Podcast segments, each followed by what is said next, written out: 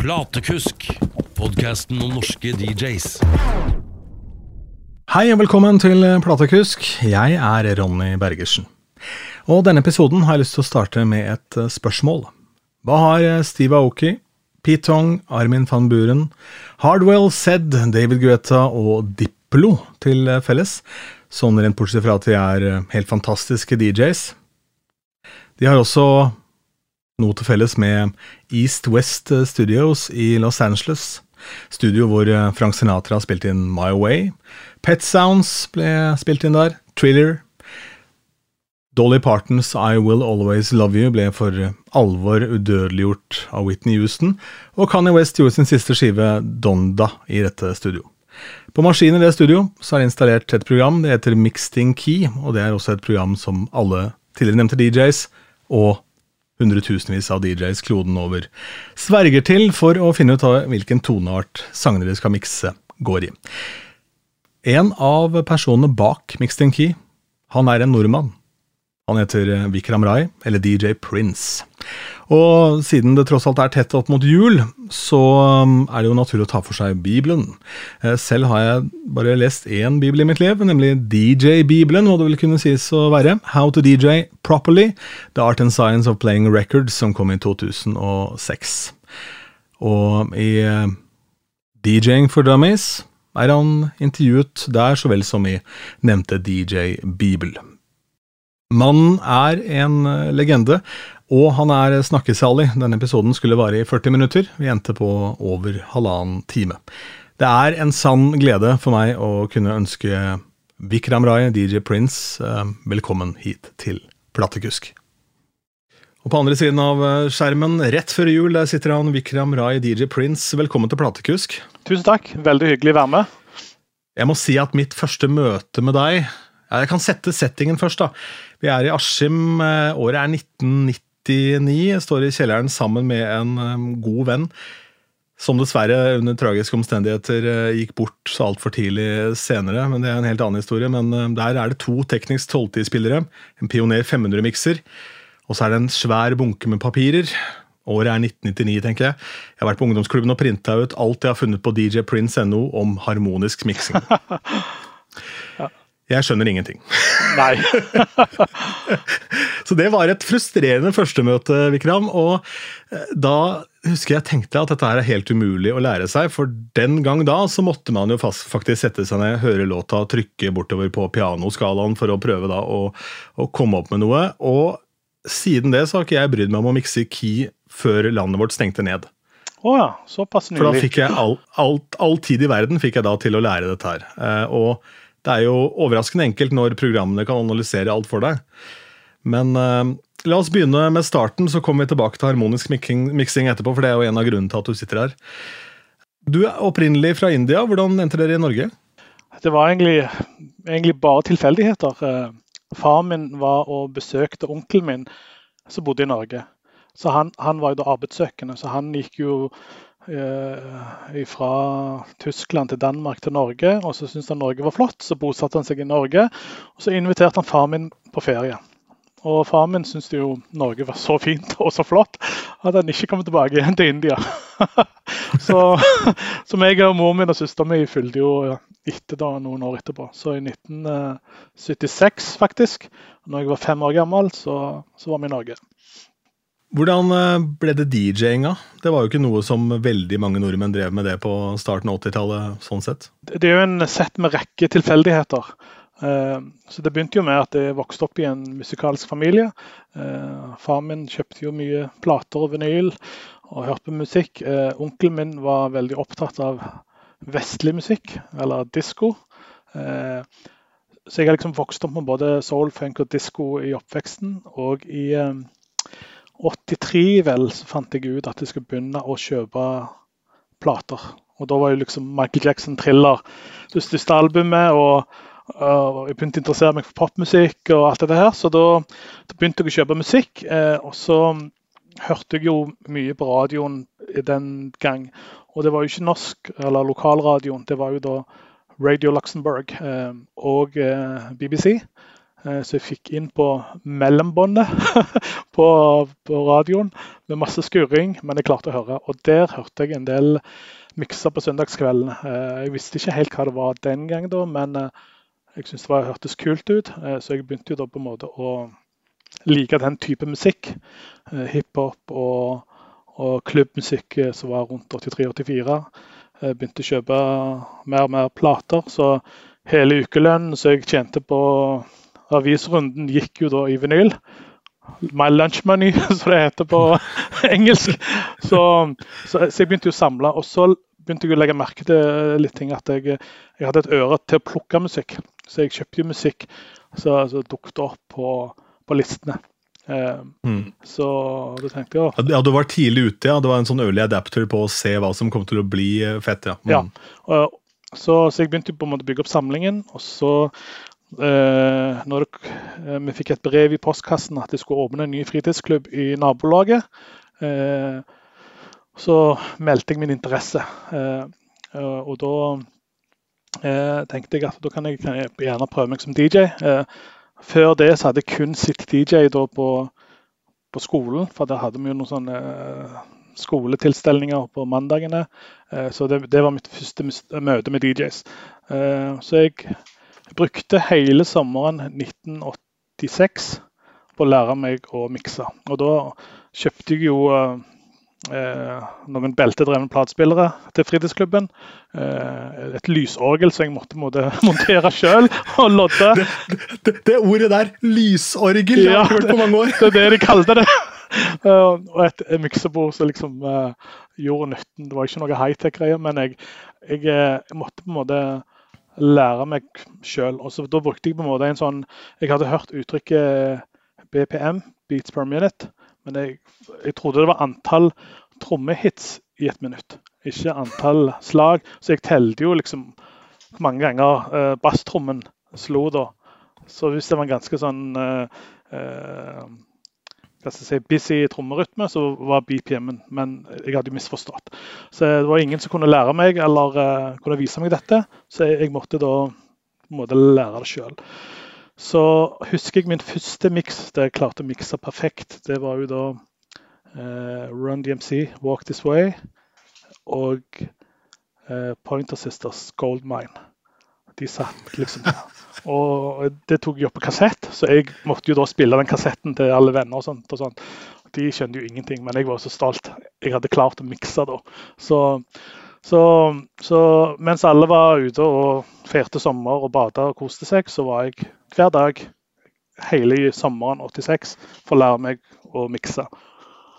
Jeg fant den kassetten til en DJ fra Askim som ikke jeg husker hva heter, men som var utrolig god eh, den gang da når man bare spilte vinyl. Og den overgangen, det husker jeg var eh, Det var um, I Believe in Miracles, You Sexy Thing. Uh, og, og um,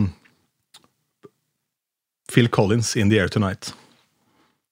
Uh, og Den var ganske smooth. husker Jeg sånn, jeg lurer på om jeg har digitalisert den. på et eller annet tidspunkt. Men før vi går videre, nå så må jeg spørre, husker du den første plata du kjøpte? Ja.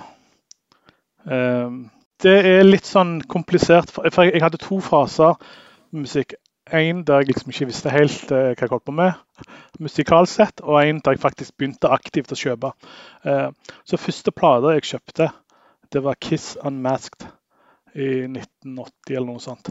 Eh, men den kjøpte jeg fordi jeg syntes Kiss var kult. Ikke nødvendigvis at jeg var en fan, men jeg likte ja, alle, alle ungene i gaten likte Kiss, så det var liksom sånn det var tidlig på 80-tallet.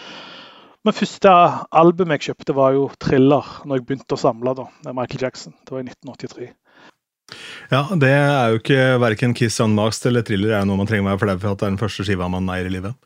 Sånn sett. Eh, og så tar du jo dette da på et tidspunkt et steg videre. Hvordan går det fra ungdomsklubben dette har Vi snakka ganske mye om den podkasten i episodene, for ungdomsklubben er i ferd med å bli borte. Ja. Eh, og Ungdomsklubben er jo det første stedet hvor du lærer deg å programmere for publikum. Eh, og den lærdommen er det helt umulig å lære i kjelleren. Du kan bli verdens beste DJ og verdens beste mikser, men hvis du plukker feil sanger, så er du allikevel verdens dårligste DJ på akkurat det eventet. ikke sant? Eh, og denne kunsten der eh, er det vanskeligere og vanskeligere å lære, med mindre noen gir deg mulighet til å kunne bli med på gigs. da. Men hvordan gikk den reisen da videre, fra ungdomsklubben og ut i eventlivet og, og klubblivet? Ja, det, det å lese publikum og, og, og få dem til å danse, det er jo jeg måtte lære den harde måten. Eh, jeg var jo veldig interessert i popmusikk i den tiden, så jeg fulgte jo med på, på hitlistene, primært i England. For at England var litt foran Norge, eh, VG-listen. Eh, så jeg fulgte litt med der og så hva som bevegde seg på listene. Så kjøpte jeg jo musikk som var populære. Så sånn sett så var det jo på en måte, Spilte du populærmusikk, så, så, var, det enklere for folk til å danse. Hadde jeg spilt hva skal jeg si, kun hiphop eller undergrunnsmusikk den gang, så hadde jo ingen danset. For at uh, folk vil jo egentlig kun danse, spesielt på fritidsklubb, til musikk de kan synge til, og musikk de har hørt på radioen. Og det var liksom normen uh, før. Så musikk de hadde hørt Det, det er vel kanskje det i dag òg, forresten. Enkelte. um, uh, ja, så, så, så, det er på en måte å se hva som funker. Men det å, å bygge en, si, en reise og en kveld der du tar det opp og ned, det, det kommer jo etter hvert. da. Uh, først var det egentlig bare å, å, å, spille musikken og folk til å danse. Og, og, og, på den tiden så kunne du spille en sang både to og tre ganger. For at uh, ja, de som gikk der, var sånn 14-15 år. Og, ja, men det som var vendepunktet for meg sånn, sånn musikalsk, holdt jeg på å si, i oktober Jeg lurer på om det var 8. oktober, eller det var i hvert fall oktober 1986, så kom verdensmesteren i DJ-miksing, DMC, Eh, eh, som heter DJ Cheese. Han hadde en norgesturné, eh, så han reiste rundt i land og strand sammen med Erik Valkoff, som dessverre har gått bort. Så er en sånn kjent mann i, i Og Dennis Donaldson, så jeg holder litt på ennå. Så de reiste jo da by til by, så de var jo på et diskotek som heter Funkytown i Stavanger. Og Funkytown var et ungdomssted, eller en ungdomsklubb, men eh, de hadde jo da fullt profesjonelt utstyr og var på høyde med hvilken som helst annen nattklubb. Så de hadde faktisk den beste lyden og lyset og alt du kan tenke deg. Så det var en drøm. Så for meg så ble det et mål, da. Der skulle jeg spille. Så det var liksom målet, målet mitt. Så når jeg kom og hørte på DJ Cheese, så, så var jeg, det var første gang jeg hørte et PA-anlegg. Sånn skikkelig uh, god lyd. Uh, jeg husker murstein dryssa fra taket når han spilte musikken sin. Og det som beit meg, det er at alle låtene han spilte, de hadde jeg. Og, og det så jeg som en sånn tegn fra uh, gude-DJ-en at uh, OK, dette må jeg bare satse på, for at uh, jeg må gjøre, noe riktig. Hvis verdensmesteren spiller de låtene som jeg, jeg syns òg er kule og har kjøpt, da, da må jeg et øre for det.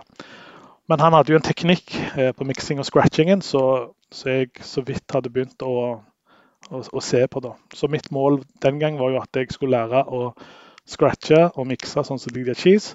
Og, eh, eh, og gikk jo inn med armene bretta opp og, og, brukte all min tid etterpå til på en måte å, å, å lære meg scratcheteknikk.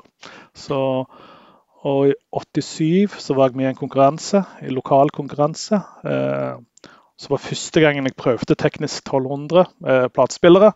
Før det så hadde jeg kun eh, brukt beltedrevne platespillere.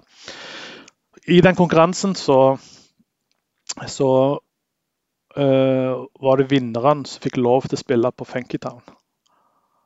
Så, så det var jo sånn veldig sånn high stakes for meg. Så jeg, så jeg, eh, jeg lagde ut et hiphop-sett eh, med beat-juggling og scratching. og liksom så de Publikum og de dommerne som var der, de hadde ikke sett noe sånt før i Stavanger. De, på, på, det nivået, da, sånn, i, eller den aldersgruppen som meg. da. Så, så de syntes det var kjempekult. Men jeg, dessverre så vant jeg ikke. Jeg kom på andreplass. At personen som vant, eh, spilte jo da populærmusikk. Det vil si, konkurransen gikk jo òg ut på folk til å danse. ja. ja. Så når jeg spilte hiphop i, i januar eh, 1987, så var ikke hiphop egentlig nesten etablert i Norge. Så, så, så da eh, var det nesten ingen som danset. Folk som bare så på og lurte på hva jeg holdt på med. Men jeg kom på andreplass. Ja. Mm. Det var egentlig litt kult at de dommerne da ikke la deg vinne, eh, bare på bakgrunn av teknikk. da, sånn sett, Når man tenker på det sånn i det store bildet. da. Ja. Uh, for jeg antar at denne DJ-en som vant, også da faktisk kunne mikse og spille? Altså sånn, ja. ja, kunne litt beatmiksing og ja. Så, så, jeg, eh, så, jeg, var jo litt skuffa, selvsagt. Og personen som vant, var jo eh, en som heter Jøren Kopperen. Eh, bedre kjent som Justin K. Jeg kommer gjerne litt, litt tilbake til han senere. Eh, men meg og han ble jo gode venner, eh, så vi holdt jo kontakten. Eh, og så fikk jeg en deltidsjobb for at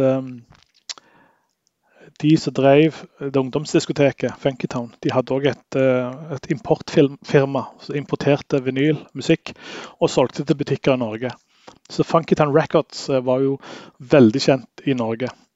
Så jeg fikk jobb der som eh, eh, ansvarlig for å sende ut pakkene til DJs. Eh, jeg kunne se hva folk bestilte, eh, og hva DJ-ene i Norge kjøpte for noe.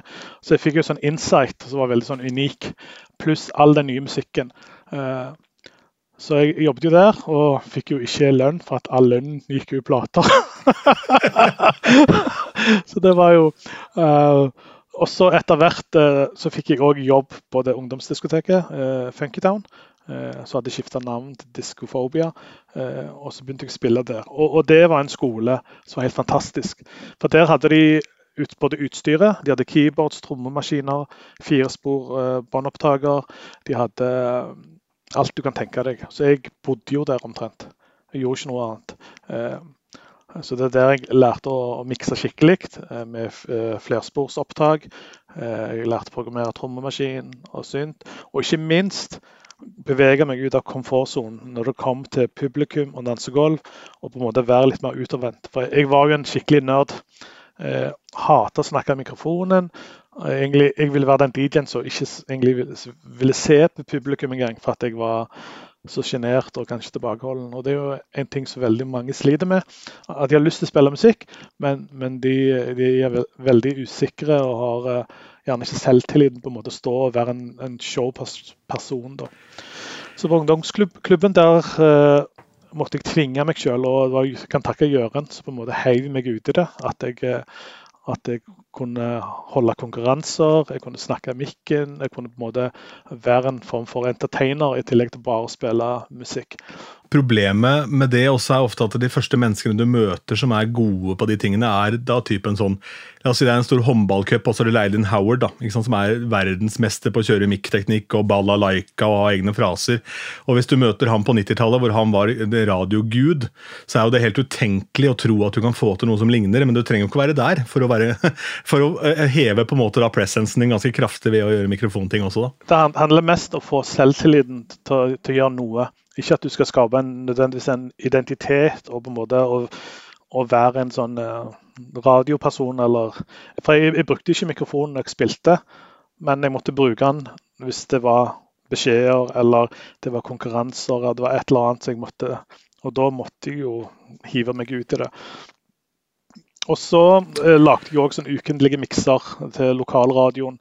Eh, så det, så det, var 87, det var liksom det året der jeg virkelig fikk eh, etablert. Og så etter det så begynte jo å dukke opp forespørsel om å spille på eventer. Og så kom jo nattklubbene. Eh, eh, spillejobben jeg begynte å bli eldre, så jeg begynte å spille da ute på byen ganske tidlig, før jeg var 18. og da hadde jeg allerede litt erfaring, noen år. jeg husker jeg var innom en platebutikk og der var det han som var den hotteste DJ-en i byen. Han jobbet der. Og han uh, hadde en sånn uh, plakat på veggen, DJ-kurs. Uh, og så sier han ja, ja, om jeg var interessert i det. Og da var jeg jo litt sånn cocky allerede. Nei, jeg kan mikse. og så sier han ja, og kom ned og bevis det. Greit, så kom jeg ned og beviste at jeg kunne mikse. Og han var jo da litt imponert, for at jeg var så ung og Eh, ja, og kunne mikse. Så jeg fikk jo jobb på et utested eh, i byen da, etter det. Eh, og så hadde jeg òg et møte med Pål Sørli, som var norgesmester i 1987. Han var i Stavanger. Så meg og han hadde jo en sånn session der vi scratchet litt og ja, hørte på musikk. Og, så han var òg en inspirasjon den gang.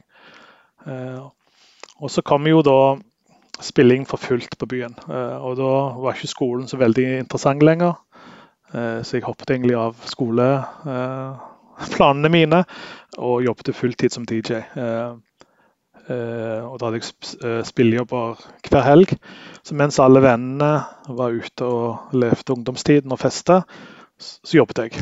Og det gjorde jeg primært hele 90-tallet. Så Mm. jeg følte jeg gikk litt på noe der. Jeg sitter og, og hører meg sjøl i speilet, holdt jeg på å si her, for dette er jo, the story of My Life også. Eh, Det skal også sies at jeg hadde da by far, da jeg ble 18, så hadde jeg den styggeste bilen i hele vennegjengen. Det var en Toyota Hiace som var så rusten du kunne se gjennom bakluka på. Men det var ingen som, hadde, ingen som hadde flere pene, pene jenter i bilen enn meg, fordi de turte jo ikke å sitte på med gutta med de tøffe bilene, for de bare sladda rundt hele tiden. Så da jeg kom fra spillejobber, så fikk jeg meldinger av alle de søte jentene lurte på om jeg kunne hente de på festen og kjøre de hjem. Men jeg har lyst til å spole litt tilbake her. Det er, det er to, to lærdommer jeg har lyst til å ta, men det er én ting jeg har lyst til å snakke om som jeg ikke tror jeg har vært innom ennå, det er jo dette begrepet med sandwiching. eh, Sånn i forhold til eh, Det er jo relevant den dag i dag også, men det at man må pakke inn ny musikk da, for å etablere det i settet sitt, gjerne hvis man er resident f.eks. Og særlig den gang da, som du sa, når du spiller hiphop, og så vinner du ikke den DJ-konkurransen til tross for at du kanskje var bedre teknisk og gjorde ting som da blew people's mind, bokstavelig talt. da. Eh, Så det med å For da husker jeg det var sånn at du hadde de hitene du visste var store, men så vil du gjerne på en måte presentere en låt ofte. Så var kanskje ikke den låta den som burde blitt presentert. Det lærte man jo på sikt, da, fordi det var jo den låta du syns var aller kulest. Du har lyst til å spille mellom de to store hitene på et tidspunkt. Men litt sånn hvordan man tenker rundt det. Jeg vet ikke om vi kan prøve å konkretisere noe for de som eventuelt nå sitter og har veldig lyst til å og kanskje bli kasta ut i en jobb. da, La oss si i mars så skal de gjøre sin første gig på et skoleball eller hva det måtte være. så Og Det å bereike ny, ny musikk er jo litt enklere hvis du er, er resident et sted. For da har du mulighet til å, å se hvordan låten utvikler seg. Eh, Det vi gjorde den gang, da, det at eh, hvis det var en ny låt som vi, vi digget, da spilte vi den gjerne tidlig på kvelden, og så spilte vi den eh, i peak time. For da har folk allerede hørt den, og første gang de hørte den, så fungerte den gjerne ikke. Men hvis de hører den igjen sammen med noen andre populære låter, så tenker de ok, den har vi hørt tidligere, og så vil den fungere. Så, så vi, vi brukte eh, hva skal jeg si, at vi introduserte sangen tidlig på kvelden og spilte den igjen senere. If it's nice, play twice. Ikke det du sier. Jo, men det der, det der kan jeg bekrefte, for det der er en radioteknikk også. med at veldig ofte Når man skal introdusere nye sanger på radio, så spiller man de i odde tidspunkter. Eh, Så For eksempel så hører man den låta da idet man kjører poden på trening, før man får den i morgenshowet kanskje to måneder etterpå. For da er den etablert. Eh, Og Det er sånn man introduserer musikk. Og Her er det også veldig viktig at du beregner hva som er målgruppen din. for Hvis du har mennesker som er over 30, la oss si at de, er, at de begynner å få barn, og sånn, så går da din interesse for musikk er så langt unna deres interesse at det er sanger som du syns begynner å bli kjempegamle, de er eh, akkurat nå rykende ferske for de folka som du kanskje spiller for. Da. Og Det er veldig viktig å tenke på hvis du er ung og kjempegira på musikk. da. Det er en egen psykologi bak det å programmere og, og si, lese publikum. Så Det kommer vi sikkert snakket om i en, en egen podkast, hvordan det fungerer. Eh, jeg har faktisk lagd et, et DJ-kurs som går inn på hvordan du skal lese publikum, eh, hvordan du skal velge musikk, hvordan du skal bygge kvelden. Eh, og den lærdommen har jeg jo eh, lært sjøl opp gjennom årene. Så det vi gjorde på eh, det ungdomsdiskoteket i 87-88, det er jo der har du litt mer frihet. Eh, Det er jo ny musikk som de vil høre uansett. Eh, Nye sjangere var gjerne vanskelig, men jeg husker hvis det var en låt eh, Hvis ingen ville danse, at, det var ikke folk på dan- dansegulvet, så istedenfor å spille den mest populære sangen, så spilte vi noen rolige. For på den tiden så kunne du spille cleanaser, som vi kalte det. Så da spilte vi to-tre rolige.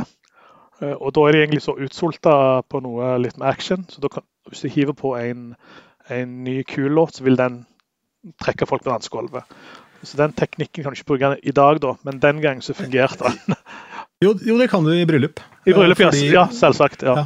Hvis du, hvis du trenger å breake gulvet, for det vanskeligste og det skumleste i verden er jo å gå ut der, selvfølgelig, fordi ikke har du noe røyk i lokalet veldig ofte, også, eller noen ting, så det er ingenting å gjemme seg bak, og ikke kanskje er du full nok heller til å begynne å danse. Så med mindre du har et brudepar som drar i gang, så er det veldig, veldig lett å kanskje få i gang en eldre generasjon og sånn med rolige låter. da. Ja. Det- Dette var et ungdomsdiskotek, så det var jo alkoholfritt. ja, absolutt. absolutt. Jo, det er, Eh, Poenget mitt er jo da at eh, det du lærer på en fritidsklubb og en ungdomsplass, det er jo vanvittig nyttig. Og det er veldig synd at ungdom og ønskede DJ ikke får den hva skal si, arenaen til på en måte å utvikle seg og lære. Eh, I dag er jo Du ser noen YouTube-videoer, kjøper en kontroller, og så blir du omtrent bare kasta uti det. Um, så og så blir du umiddelbart litt sånn kunstig god, for du har så mye hjelp av teknikken eh, til, å, til, selve miksingen. Ja, så det, den mm. gang så det nyttes ikke å gjemme seg bak en synk-knapp, eller uh, der måtte du levere. Det, ja. Men det var én ting til du sa her som jeg er um, som er ekstremt viktig, som jeg har lyst til å ta tak i. og Det var at da norgesmesteren kommer til Stavanger, så er det en fyr du prater med. Um, det er ikke gitt at man prater med vedkommende. Uh, nå sendte jo jeg deg en melding og spurte om du ville være med her. Hadde ikke jeg gjort det, så hadde ikke du og jeg sittet og hatt denne praten her nå. Uh, og det, Ikke at du skal bombardere DJ Tiesto med meldinger i innboksen hans på eller DM-en der, det er ikke det det handler om, men er det mennesker som du syns har laga en kul mix som ligger på Mixcloud, og det er folk som du føler at uh, kanskje kan inspirere deg på en eller annen måte, så send de en melding. da, altså Ta kontakt, kom, spiller de en plass. Vær en hangaround. Uh, mitt favorittband i livet er uh, Tom Petty and The Heartbreakers, som da er et stykke unna det jeg stort sett driver med som DJ. men Trommeslageren til Tom Petty fram til han døde, er, er, en fyr som heter Steve Ferroni. Han var i Oslo med et ja, basically hele, hele um, Dire Straits, med unntak av uh, Mark Knopfler. Uh, da selger ikke Die Straits så mange billetter, så da var det solgt uh, da 800 billetter på Rockefeller. Jeg jobba i en radiokanal. De sendte en mail og lurte på om det var mulig å komme inn og promotere den konserten. Jeg visste ikke at Steve Ferroni var trommeslager i det bandet før jeg plutselig sto med disse gutta i, i studio. Og så sier jeg fader, altså jeg er gigafan av Tom Petty, så jeg skulle ønske at, jeg, at dere hadde hatt med Steve, for det hadde vært utrolig kult å kunne si hei til Steve. Og så går jeg på den konserten, eh, og så er det da som sagt ganske lite mennesker på Rockefeller. Eh, og eh, jeg står der, og så er det en fyr som sier 'bare stå og vent litt'. Og da har jeg også da dessverre drikke en god del for mye for det er forhold til det som skal skje. For jeg ble tatt med backstage på Rockefeller. Kompisen min stakk hjem, han gadd ikke dette, og så kjenner jeg på det, men jeg blir jo litt mer edru idet jeg kommer bak der. og da er Steve sånn at etter han er ferdig med trommer, så må han rett i dusjen. Eh, men da får jeg altså møte Steve Ferroni, som har spilt for Clapton. Han var med i Average White Band. altså Det er en legende. Eh, og um, han er verdens hyggeligste mann. Det er nordavind fra alle kanter i februar i Oslo. Men han og jeg ender opp da med å gå fra Rockefeller til Oslo Plaza, hvor de bor, mens han røyker seg en stor sigar, eh, og vi prater sammen. Og Da får jeg hans personlige e-postadresse på slutten av denne, dette møtet. Fordi han syntes det var så jævlig fett da, å møte noen som da visste at han var trommeslageren til Tom Petty, og som da eh, Også da mitt favorittalbum, altså den første skiva han spilte på. Eh, og det, dette er en trommeslager som har spilt med alle. absolutt alle. Han har spilt på, på Rock Hall of Fame og vært på Grammy Awards og gud veit hva på alle scener i verden. Eh, men han hadde ikke spilt trommer han på en låt av Orbo fra Bergen hvis ikke Orbo hadde tatt kontakt. altså Så alle ting er mulige, da. I hvert fall, hvert fall i 2021. Poenget her er jo da at uh, du klarer aldri å få suksess alene. Du, det, det, handler om å bygge et nettverk, så vil den ene uh, interaksjonen med en person lede til noe annet. Altså det, det å bygge nettverk uh, si, uten å være en masete hangaround eller fanboy, er, er jo nøkkelen.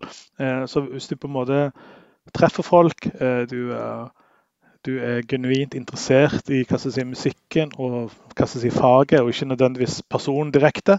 Og ikke, og ikke kommer frem som en creepy fyr. Så, så åpner det jo seg dører.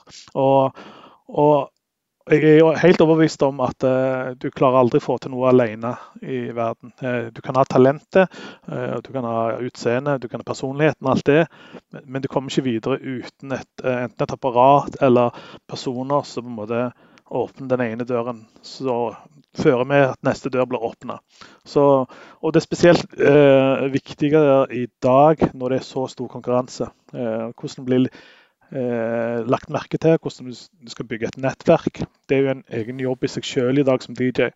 Eh, den gang så, så, trengte du egentlig bare være en god DJ og kunne mikse. Eh, så fikk du spillejobber, mens i dag så er ikke det nok. Du må, ha en, en, må ha en following, du må ha så og så mange likes, og du må ha på en måte en tilstedeværelse på nett, og du må helst produsere. I, i dag er det så mange faktorer. Og, og, og, skal du gjøre det bra, så klarer du ikke å gjøre det alene. Jeg, jeg sitter jo primært alene. Og egentlig eh, jeg merka når jeg var mest aktiv, så hadde jeg personer rundt meg som på en måte hjalp meg. Og da åpner flere dører seg. Flere muligheter. Men med en gang du ikke har det, du er mer alene, så klarer du ikke å gjøre det alt sjøl. Det, det er for krevende. Og hvis du er en liten nerd, sånn som jeg er, eller en stor nerd, så er du jo mest interessert i i musikken og uh, teknologien og på en måte å brenne for det. Ikke nødvendigvis sitte og booke møter og kommentere på andre og bruke all din tid på networking. Det er gjerne ikke det mest interessante. Dette går jo for øvrig da også andre veien. Hvis det er en ung gutt eller en ung jente som er interessert i det du holder på med, så for guds skyld ikke vær et rasshøl. Altså ikke, ikke sett deg på din høye hest. Hvis du har tid eh, og mulighet, så kanskje ta med deg da vedkommende på en gig, så de får se hvordan man, eh, hvordan man kanskje ja, rett og slett leser et dansegulv, eller hva det måtte være. Og så finnes det jo historier, kanskje ikke fra Norge, men fra andre steder. Eh, la oss si at dette var noe som noen hadde gjort med Alan Walker. Så kunne Alan Walker kjøpt tre hus til vedkommende nå. altså sånn, Som takk for hjelpa. For eh, plutselig når det smeller, så smeller det jo skikkelig eh, hvis man blir stjerne i dag, da. Mm. Harmonisk miksing, eh, som da var mitt første møte med deg. altså Det som da heter mixed in key for veldig mange, eller mixing, key mixing. eller da samme toneart. Det er jo et verktøy som ja, rett og slett forandrer, forandrer alt.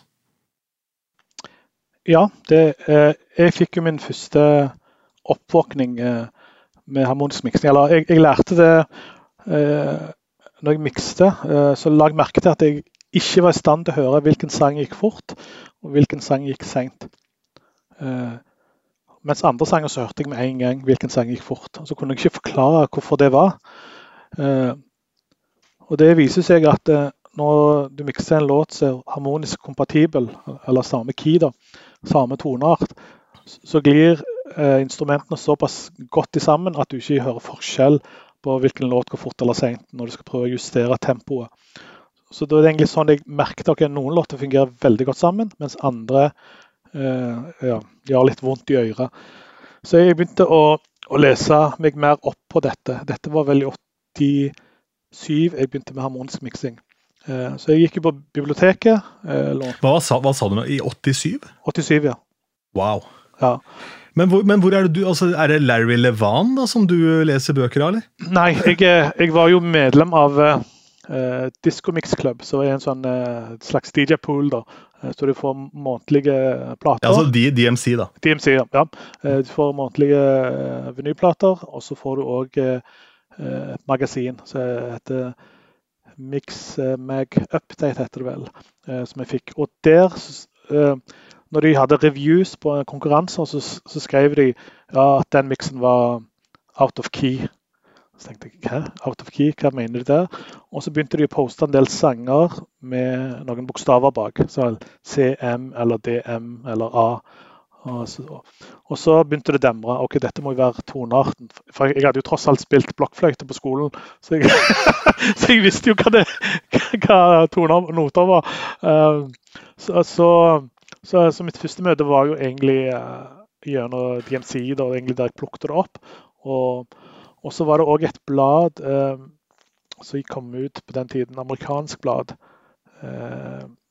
som var dedikert til harmonisk miksing. Jeg lurer på om det heter Harmonic Mixing.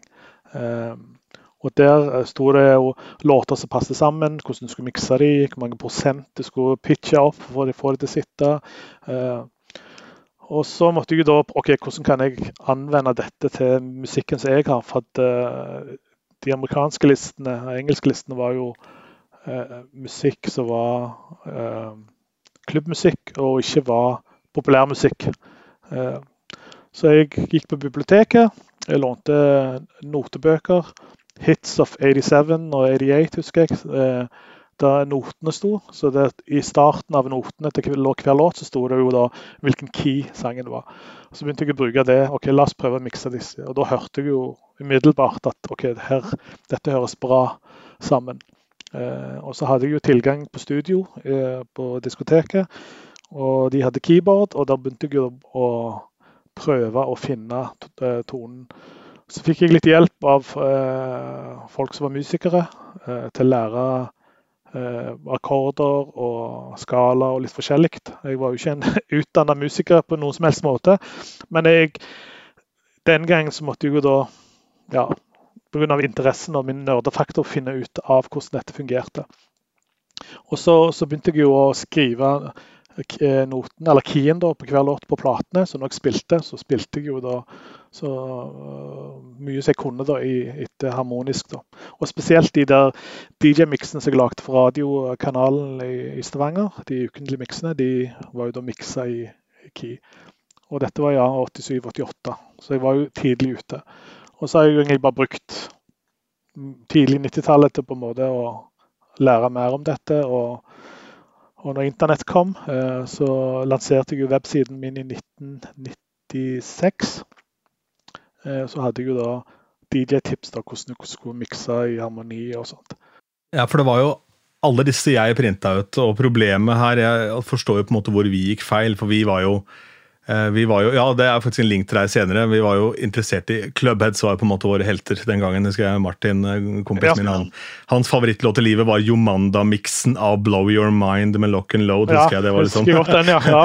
ja, den var fet. Men, men, eh, men, i hvert fall så var jo, det var jo helt uinteressant for oss å ta de sangene som du hadde som forslag på den siden, og lære å mikse på den måten. Vi ville jo selvfølgelig bare mikse de samme sangene som DJ Shaun hadde gjort på Madhouse. Det var jo, så det var der det rakna for, for min del. Og så eh, tenkte jeg da, i og med at det jeg hadde lest av det, var hvordan man kom fram til Og vi hadde jo ikke noe keyboard for å finne ut altså Vi skjønte jo ingenting av det. Og hadde jo ei heller for det første kanskje ei heller engelskkunnskapen til å skjønne nok av det som sto der, for alt var jo på engelsk. Eh, og ei heller innsikten til å gå og snakke med, med musikklæreren vår på skolen, for det var egentlig det man burde gjort. Eh, hvis vedkommende var en oppegående type, så hadde man kanskje da endt opp med å være en helt annen DJ enn det man endte opp med å bli. Men det gikk noe bra med meg også, da, skal, skal sies. Men her er det også noen fallgruver, for eh, i mikser som skal på radio, eller som du skal vise til noen, så er jo det å mikse key et veldig godt triks. men hvis du gjør det alltid som en regel, så vil du glemme å spille mange sanger som du trenger akkurat der og da. Og, og her, her, er jo hva er viktigst. Eh, eh, og når du jobber for et dansegulv eh, eller publikum, så er det låtvalget som er viktigst. Programmeringen av musikken og til, å få den stemningen som du ønsker. Så Det er nummer én. Så, så når jeg spiller den dag i dag, så ser ikke jeg om hvilken key det er. Eh, jeg klarer å høre umiddelbart eh, om de passer eller ikke. For du har så mye spillerom på, på hva du kan gjøre. For at Å mikse i harmoni betyr ikke at det skal være i samme key eller samme grunntone. Du kan på en måte leke deg rundt og gå opp og ned i, i, i skalaen og, og bruke forskjellige teknikker.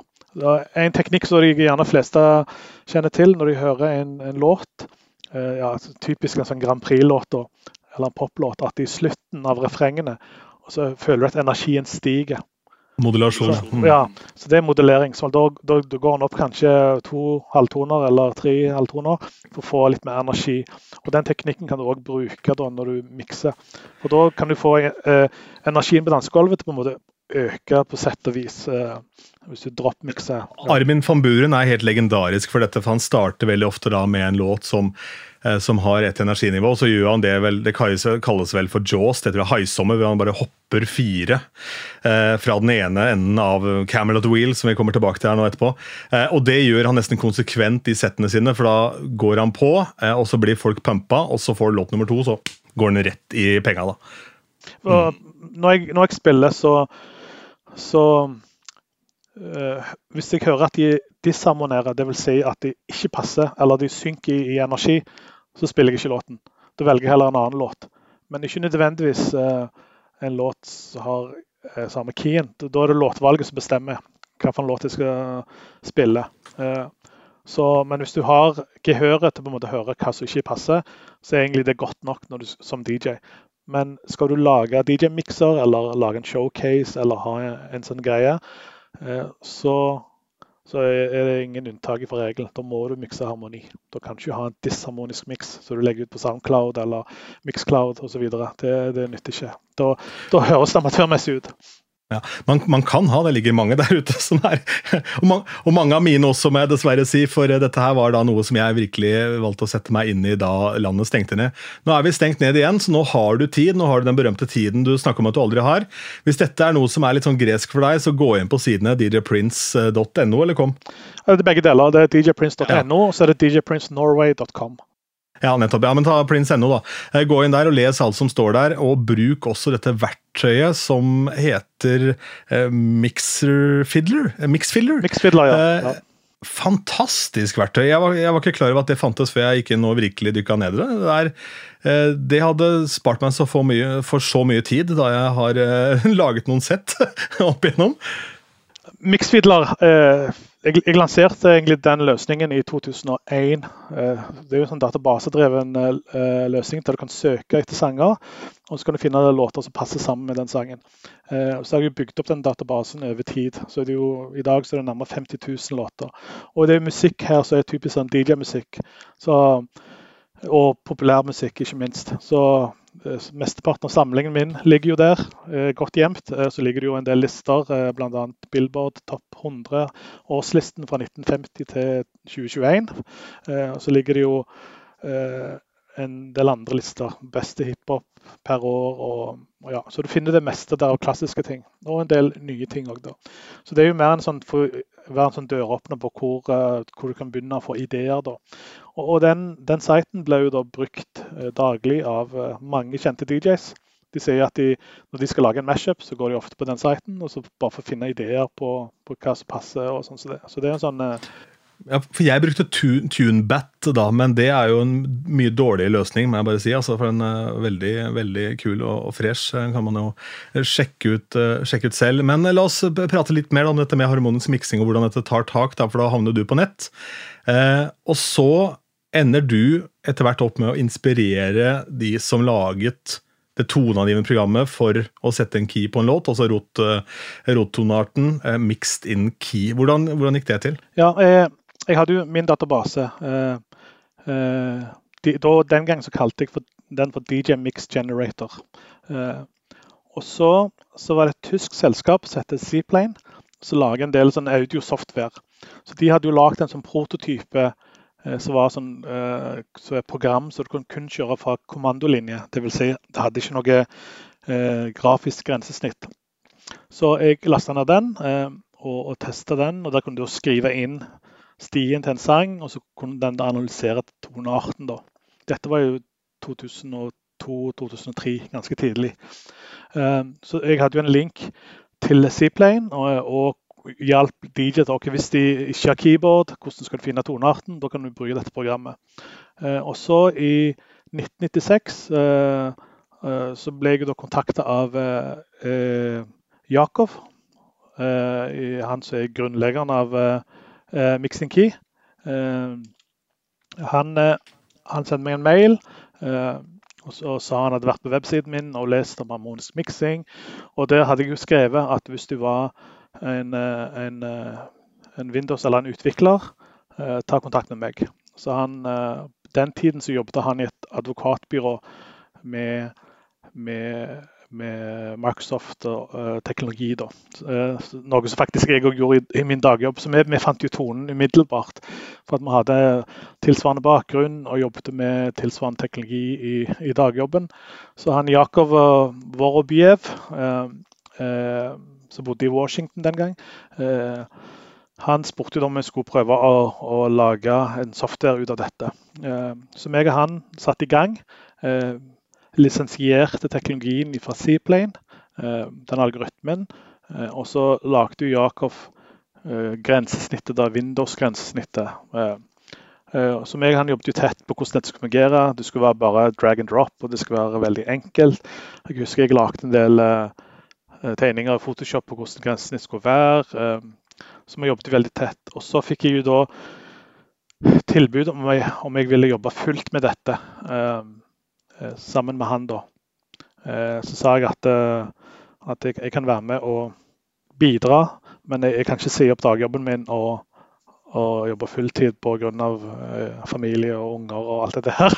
Så, men jeg, jeg, er med videre. Så, Så vi Angrer du på det når de har endorsements av Pete Tong og Nei, men jeg, har jo alltid vært med, uh, på sett og vis. Ja, sånn, ja. ja, så, uh, men jeg har jo gjerne, gjerne ikke sett uh, de beløpene som har kommet inn. Så, alle, så året etterpå så reiste jeg til, til Miami i 2007 for å møte Jakob.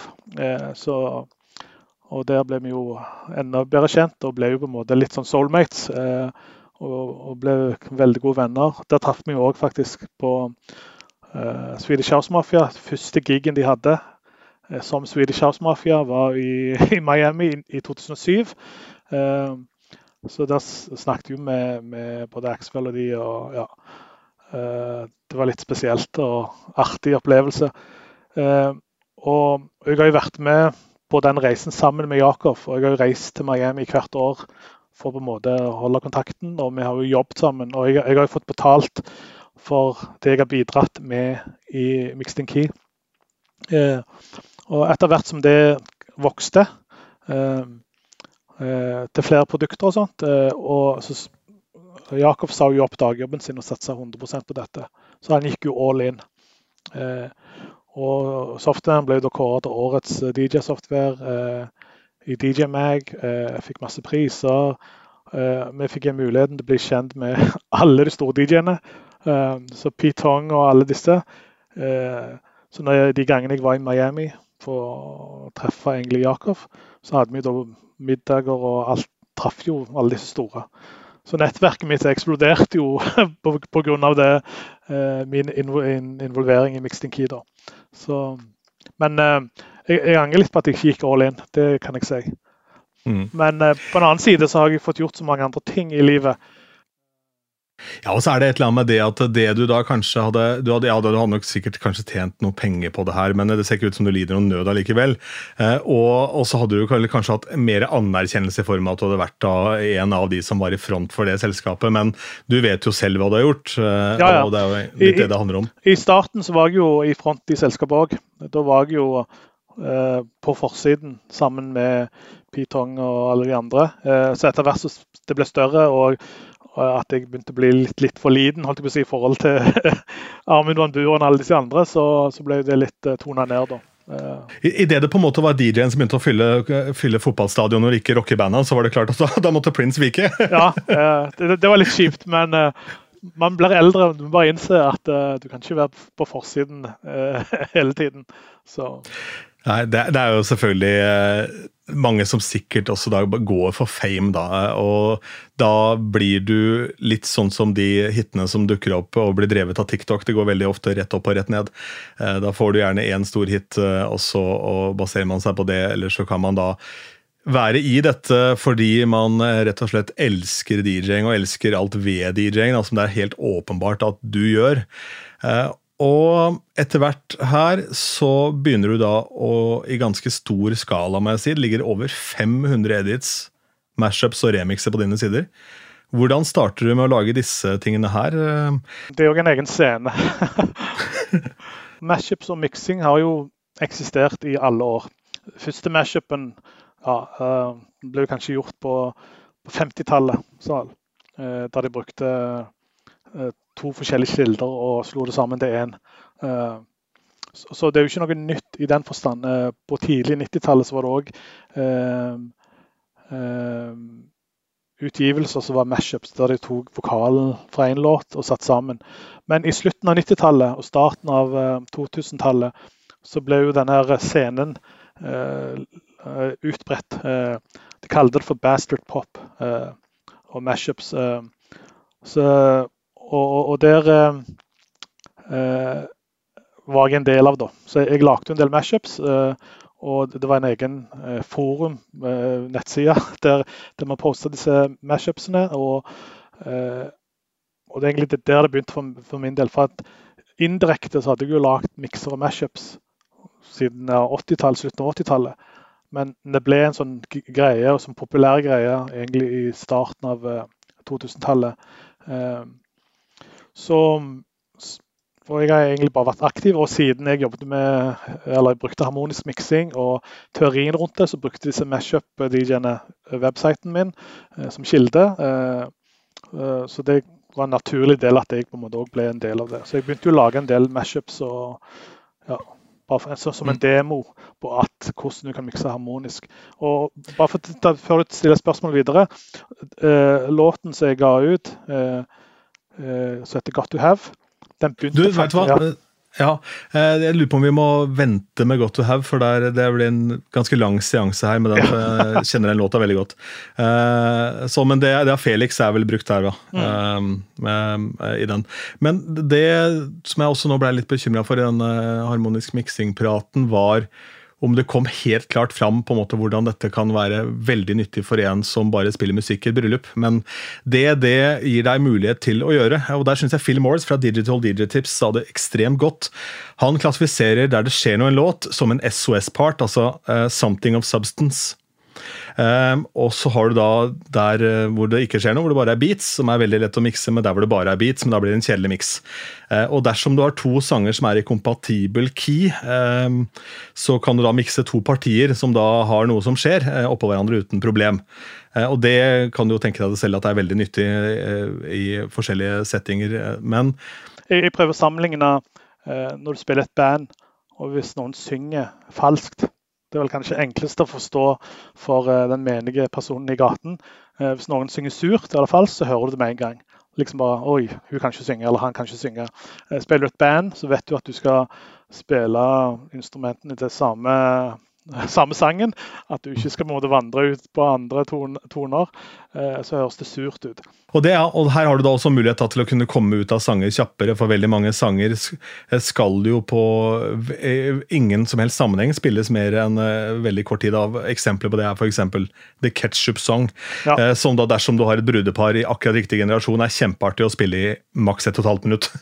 ja, ja, det er jo, I dag er jo trenden quick mixing, og det er jo primært egentlig drop-mixing av, av låter. og og hvis du bruker harmonisk miksing eh, med quick mixing, så høres det veldig bra ut. Ja, jo, det var det jeg skulle fram til. Og det gir deg også da en mulighet til å bytte sjanger på en helt annen måte. For da kan du selvfølgelig gå fra eh, populære EDM-ting til rock på en helt eh, annen måte enn hva du kan med å bare droppe låta eller å rett og slett kjøre et echo out eller et eller annet. Så kan du da ved hjelp av en av DJ Prince sine edits eh, f.eks. gå fra Avicii til, eh, til eh, noe mer rocka, da. Ja. Hvordan, hvordan ender du opp med å sørge for å få disse tingene og konkretisere det på den måten du har gjort. Da, for du har jo laget ekstremt mange, og hvordan henter du inspirasjon til alt sammen? Altså, hvor, ja, hvor kommer eh, hva er, som, hva er, det som, får deg til å tikke på den måten her? Det er jo over 500 edits. Ja, det er egentlig enda mer enn det. Jeg tror jeg har tusenvis på, på maskinen min som ikke er lagt ut ennå. Men det som ligger på siten min, er vel ja, nærmere 600 edits. Og inspirasjon, eh, det er jo ofte Enten er det en miks som jeg kan bruke sjøl, så, jeg savner eh, at det mangler en god miks på det.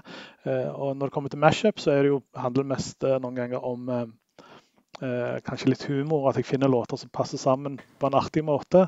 Eh, så må, måten jeg kommer frem til eh, Hvis jeg hører en låt som jeg har lyst til å mikse og Noen ganger så jeg, hører jeg det bare i hodet mitt at okay, den passer med den.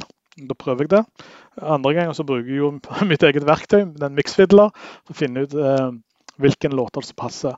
Eh, så, så, det kan være låter som jeg ligger på, på, listene, eller en ny låt som jeg har hørt. Eller, så jeg prøver å følge med i, på popkulturen, og det er et lite tips for alle DJs. Fungere uh, som en DJ, spesielt hvis du er en sånn, uh, sånn uh, hva skal jeg si, all around DJ, hva heter det? en som er sånn Open format. Open format DJ, så, så må du vite hva som foregår i sightgeisten eller eh, popkulturen. Og Da må du se filmer, du må se serier. Gjerne filmer og serier som er lagd for, eh, for uh, det motsatte kjønn. Uh, du, du, må følge litt med på media, TikTok osv. Så, videre. så plukker du opp egentlig litt essensen av det som foregår. Så når du har gjort dette over tid, så, så vet du liksom litt OK, denne vil fungere, denne vil ikke fungere. Eh, så Det er ofte det som på en måte er grunnlag for hvis jeg vil gjøre en miks. For at jeg vet at den har folk glemt, for den var populær eh, for ti år siden. Eh, gjerne ikke på listene, men den ble kanskje spilt i en film osv. Så, videre. så Så det er på en måte å være på pulsen på, på musikk handler ikke bare om å kjøpe musikk og fylle med på listene. Du må liksom fylle med på alt for virkelig ha det bredden. Ja, det er det samme som at en låt som eh, kanskje gjorde det bra på listen, ikke nødvendigvis er en låt som vil fungere på radio i, i framtida. Så det er jo bare litt sånn snudd på det. Eh, men så kommer dette prosjektet Piffy Hunters, da, som er eh, Og for å gå da ned til det, i og med at vi sitter her med en Siddis, da, så må vi også snakke om eh, halvt horn med ost, skinke og Piffy Vårt. Eh, hva, hva, hva, er greia? Ja, hvor skal jeg begynne? Jeg kan begynne med Piffy Hunters først. det, det det begynte jo med at uh, den mest hata sangen i Stavanger, og elsker sangen, det er jo Tore Tang med Mods. Um, så, uh, så, alle DJs de er jo dritlei den låten, mens uh, mannen i gata elsker jo den. Så alle som trubadurer og musikere de spiller jo Tore Tang. Og, ja, mens DJs, når de spiller på bryllup eller eventer, får ønskeplater om å spille Tore Tang, så hater de å spille den. Så i 2012 2012 så lagde jeg en remix på den. Bare fordi at ok, hvis jeg skal spille den, så skal jeg spille min mix. Uh, uh, og, og, den versjonen som jeg lagde i 2012, ble jo da uh, funka som gull på dansegulvet. Uh, da fikk folk høre sangen og synge med, mens jeg fikk spilt den i et house-set. Og så begynte jeg å få eh, forespørsmål fra forskjellige DJs som jeg kunne remixe den og den og den. Eh, så tror jeg den første som virkelig tok av, var jo da 'Optimist' med Jahn Teigen, som jeg remixa. Eh, og så tenkte jeg ok, jeg, jeg vil ikke gi dette ut som DJ Prince eller noe annet. Eh, og Piffi-konseptet er jo da Piffi det er jo da Piffi krydder som blir brukt på halvt horn, så egentlig loff med eh, ost og skinke og piffikrydder og smelta. I Stavanger, I Stavanger så er det en sånn uh, Stavangers nasjonalrett. Uh, alle spiser det. Ja, det er ikke noe tvil om det, for det er en gruppe på Facebook hvor det er 10 300 medlemmer ja, jeg, jeg som faktisk, legger, ut, ja.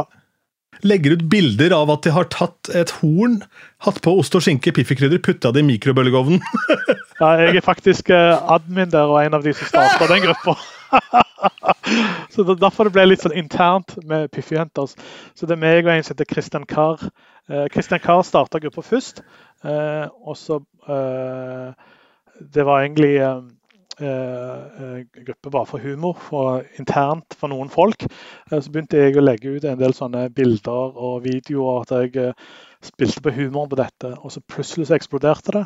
Så hadde, på det meste så hadde vi 15 000 medlemmer. Eh, vi hadde til og med et event i Stavanger eh, der ordføreren sto i bresjen og delte ut gratis horn til innbyggere i byen. vi, vi, hadde en variant av dette eh, i Askim, der jeg kommer fra. for der var det da, eh, På Askim videregående skole så var det to kantiner. Det var én kantine som vi kalte for Hølet. Det var en sånn liten, ja, det var mørkt og trist ned en sånn gang der. Og så var det én stor, fin, lys kantine hvor de hadde fancy bagetter. Det du kunne få i den andre kantina, det var et varmthet med klin. Eh, og det var altså da en bagett som var stekt, og var, det var som å spise en murstein. Og så sier hun ja, skal du ha klin på, sier hun som jobber der. Og klin, det var da, det var da eh, grillkrydder, eh, og så var det eh, Hva heter det? Eller gastromat var det. Gastromat. Eh, sånn sprøstekt løk og, og ketsjup. Det det var klin, da. Kosta fem kroner ekstra. Jeg tror nok alle, alle byer har sin greie.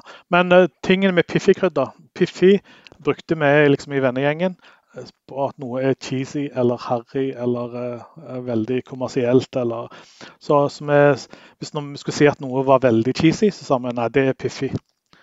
Uh, så, så, Piffi ble det Piffi-Henters, for at uh, musikken jeg remiksa som Piffi-Henter, var jo da sånn allsang, norske allsanglåter. Uh, det er et par av de der som eh, har eh, gjort mitt liv betraktelig enklere. Mine favoritter da, bare sånn for å ta de når vi sitter her, er jo da 'Sommertider'. Den er ekstremt god. Eh, og det er fordi omfen ligger i, i hookene, men det har vel kanskje Per Gessle allerede lagt til rette for med den låta der. 'Forelska i læreren' er også meget god. Og så liker jeg også Den er ikke alltid jeg slipper unna med, den splitter pine-varianten. Men den er fin.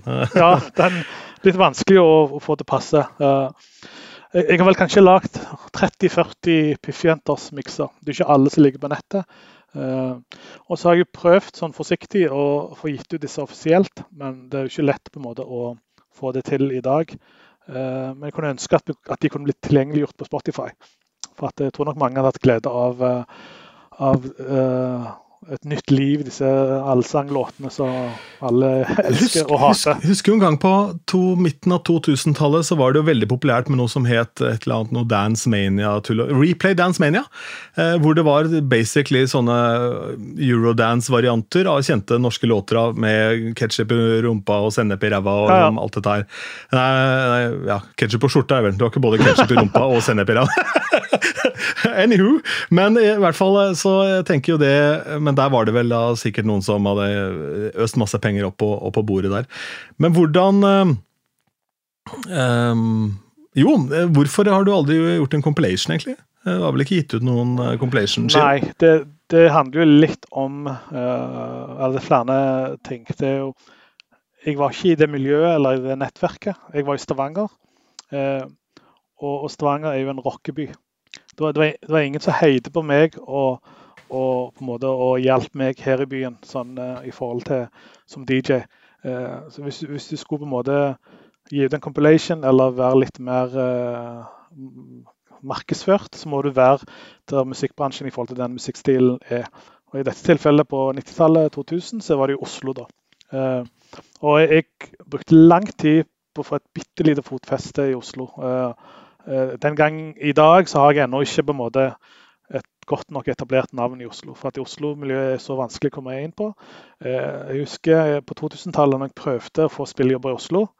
Det var nesten umulig. Og, og så var det noen selvsagt som åpna døra for meg der, så det løsna etter hvert. Eh, og ja, det, det har nok litt med nettverk og kanskje eh, hvor, hvor mye jeg ville det sjøl. Så jeg, jeg var ikke aktivt inne for å på en måte eh, selge meg sjøl inn. Når, når det er sagt, så, så lagde jeg jo mine egne compilations og la det ut på nett veldig tidlig. Så i 1999 så la, lagde jeg en miks heter The Puzzle Mix.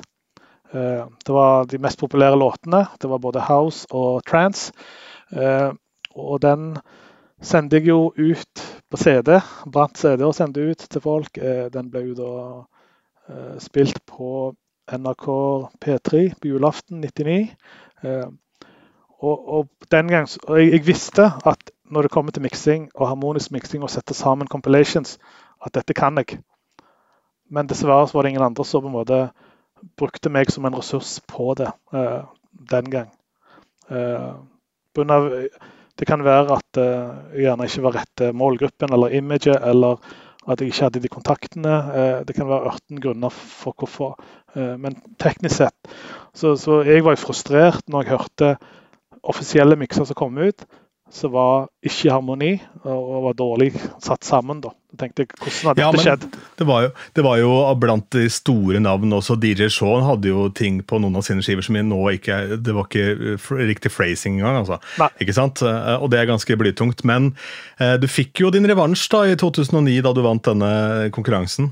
Ja, og jeg, jeg hadde jo egentlig ikke lyst til å være med på den pga. at jeg følte jeg ikke hadde noe bevis, eller jeg var litt, litt ferdig med, med den greia. Men de insisterte på at jeg skulle være med, og, det, og der var jo Oslo-DJ-ene, de topp Oslo-DJ-ene med der. Nils Noah var med, og, eh, og en, eh, en, en del andre store navn. Så tenkte jeg ok, nå, nå har jeg sjansen på å vise hva jeg kan. Så jeg satt sammen en miks og gjorde det jeg kan best. Og så vant jeg jo. Og, det åpna jo, absolutt en del dører for meg i, i Oslo.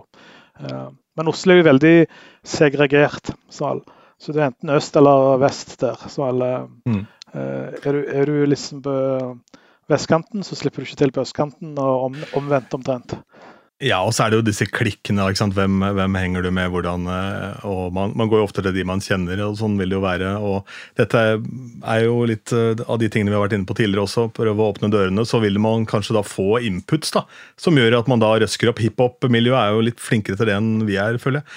eh, Til å gjøre crossover-ting og samarbeide med hverandre. Dette blir et kjempeinternt spørsmål, men det er litt fordi jeg er interessert.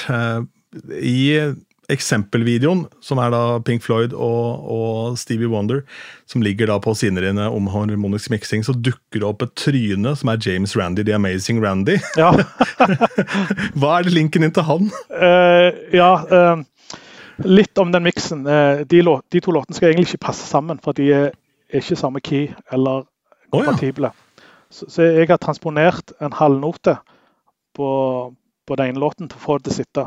Uh, og så synger, du, synger jo uh, uh, Stevie Wonder, 'Superstition'.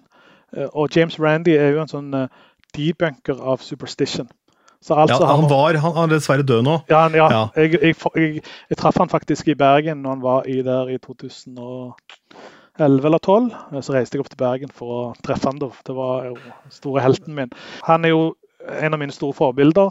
Eh, grunnen til at han dukker opp i videoen, er jo på at han debunker Superstition. da. Så kan jo kjapt ta hans historie. Jeg kjenner den ganske godt, jeg også. Dette er da en, en, en, liten mann med skjegg som starter hvert foredrag med å ta livet av seg selv. I hvert fall så skal han gjøre det på papiret, for han spiser en hel boks med sovepiller.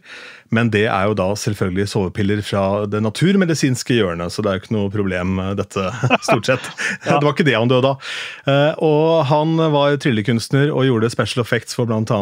Alice Cooper. Eh, og så ender han da opp med å skape en challenge eh, for de som da kan vitenskapelig bevise at de har overnaturlige evner.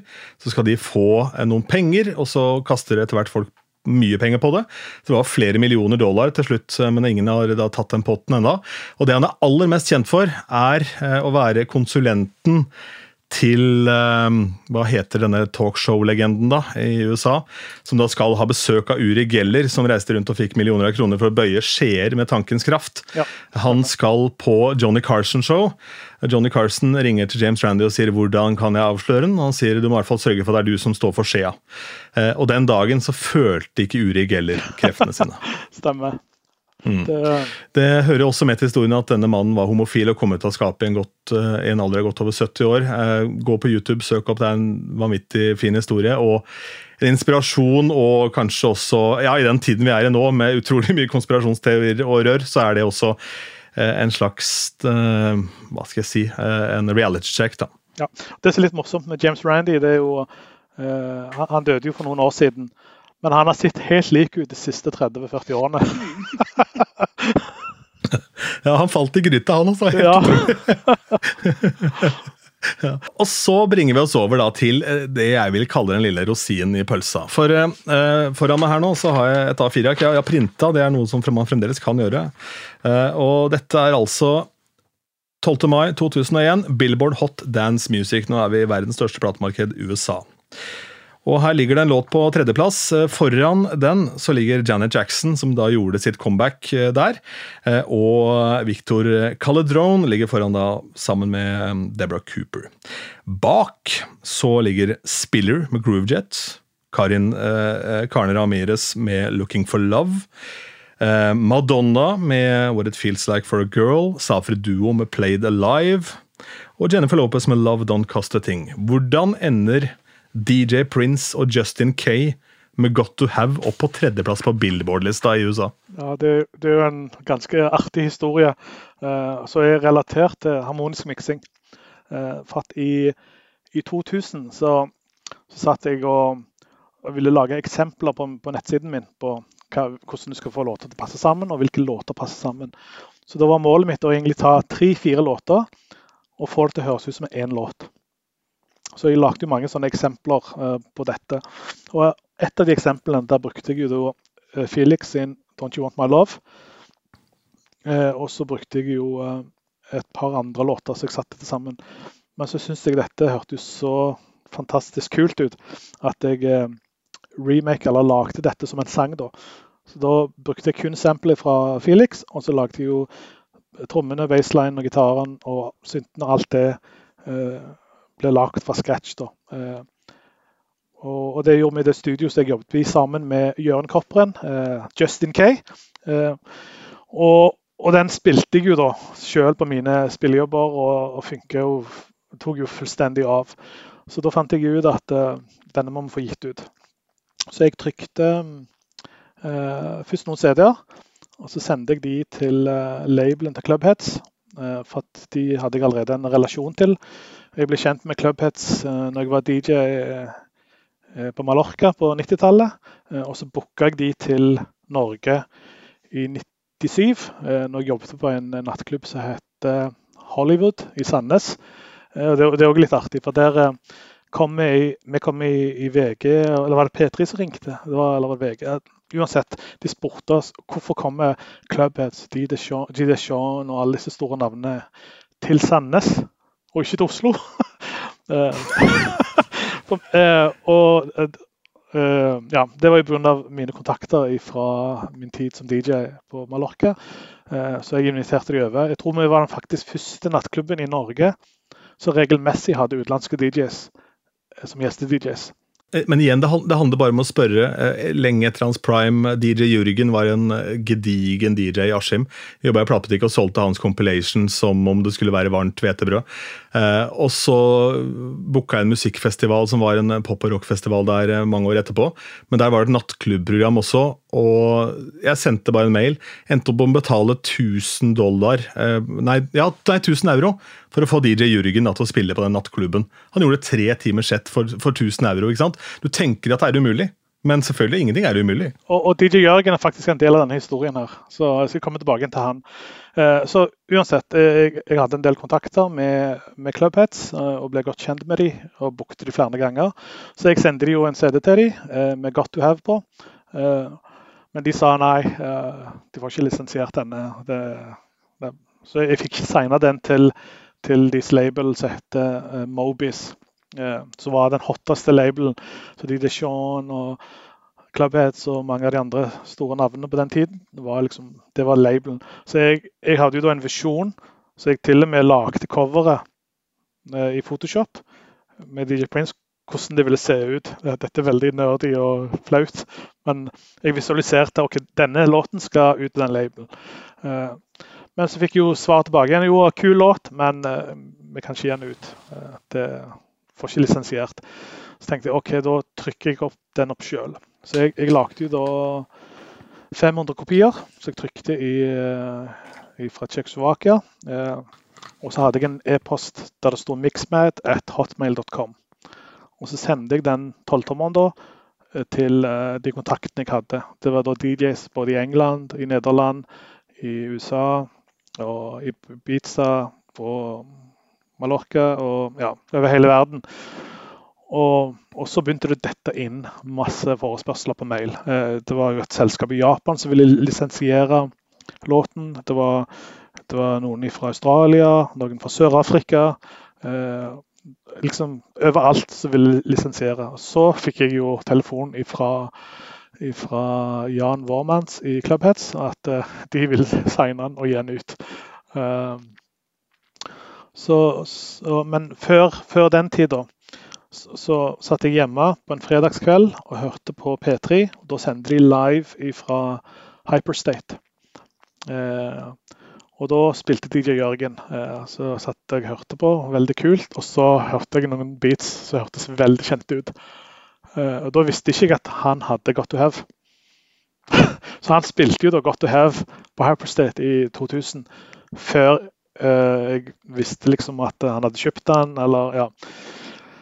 Ja, så fikk, Da fikk jeg jo gåsehud, da fikk jeg en slags bekreftelse på at okay, denne låten har kanskje en fremtid. Uh, uh, så jeg, tok jo opp det opptaket når han spilte det. Jeg tror det kanskje det ligger på internett et sted òg. Og så fikk jeg den telefonen fra Digidance, eller Mobis Records, uh, så vi fikk signa den. De fikk klarert samplet for uh, ja, ganske mange tusen. Eh, vi prøvde jo å gjenskape det samplet, men vi hadde ikke den synten som de brukte. Så vi klarte ikke å få den rette lyden.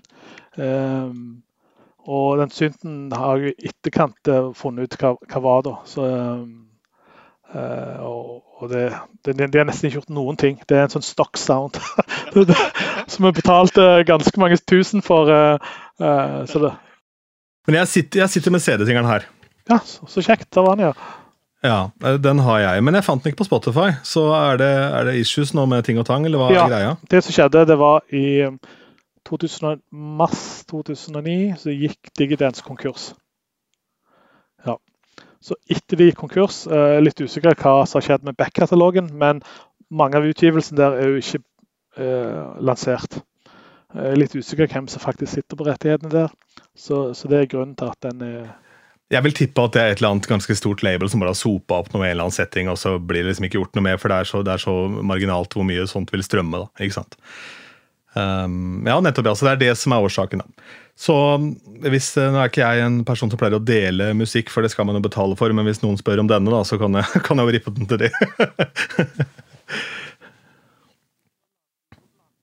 Eh, 220 synt som ble brukt på Felix. eh, ja, nettopp. ja. Så den, Nå, nå blir det geeky og fint. ja, jeg har jo etterkant uh, gjenspilt den. Så, så, hvis jeg skulle gitt den ut nå, så hadde jeg ikke trengt å klarere samplet. For da hadde jeg jo uh, på en måte Så jeg kan faktisk gi ut låten sjøl i dag. For at uh, det, det, er ikke noe sample som trenger å det, det, kan jo være et prosjekt dersom denne pandemien var enda lenger. Uff, eh, Gud forby. Ja, sant. ja. Hva, hva, er det som driver deg i å lage alle disse tusenvis av mashupene? Hva er det som er din motivasjon? Jeg skjønner i forhold til Piffy Hunters-prosjektet så er jo da at noen syns dette var gøy, og så får du forslag, og så er det artig å gjøre gøy på landet, selvfølgelig. Eh, alt for Norge og alle de forskjellige her. Men hva, hva er det som gjør at uh, I starten så forstår jeg at det var det å finne disse harmoniene som matcher, men uh, år etter år etter år? det som ligger i bunnen av alt dette galskapet, er jo da en genuin kjærlighet og lidenskap for musikk. Så, så, så jeg elsker jo musikk, og musikk er livet. Eh, enten det er eh, tekno eller house eller hiphop eller uansett, jeg elsker musikk. Eh, og jeg gjør det for at det er en, en, del av meg, og det gir meg energi. Og det gir meg eh, hva skal jeg si, eh, ro i sjelen. Og det er en form for terapi å jobbe med musikk for meg. Eh, min hverdag er ganske si, hektisk i forhold til dagjobben og alt annet. Så når jeg skal slappe av, da slapper jeg av med å lage remixer eller mashups eller et eller annet med musikk. Så det liksom er drivkraften. Jeg, jeg har gått vekk ifra det jaget til å være best eller ha en hit eller få mest likes eller Det, det er bare en bonus i dag. Så, um, så jeg, jeg er jo prinsippet en pensjonert DJ, men jeg spiller jo ennå. det er ikke så lett å slutte, men i 2018 så da slutta jeg å være en resident DJ. Men jeg, jeg klarer ikke å slutte med musikk, for det er såpass viktig del av meg. Uh, og, og de som på en måte virkelig lykkes som DJ, da, da må du ha musikk som en lidenskap, mener jeg. Så er du, er du inne i bransjen for uh, damene, festen og pengene, så, så, var det kanskje en liten stund, uh, så er det over. Men har du en forskjellighet for musikk og en lidenskap, så, så får du glede av det. Uansett uh, om du gjør det for deg sjøl eller andre og setter pris på det. Så jeg, jeg prøver å dele alt som jeg gjør.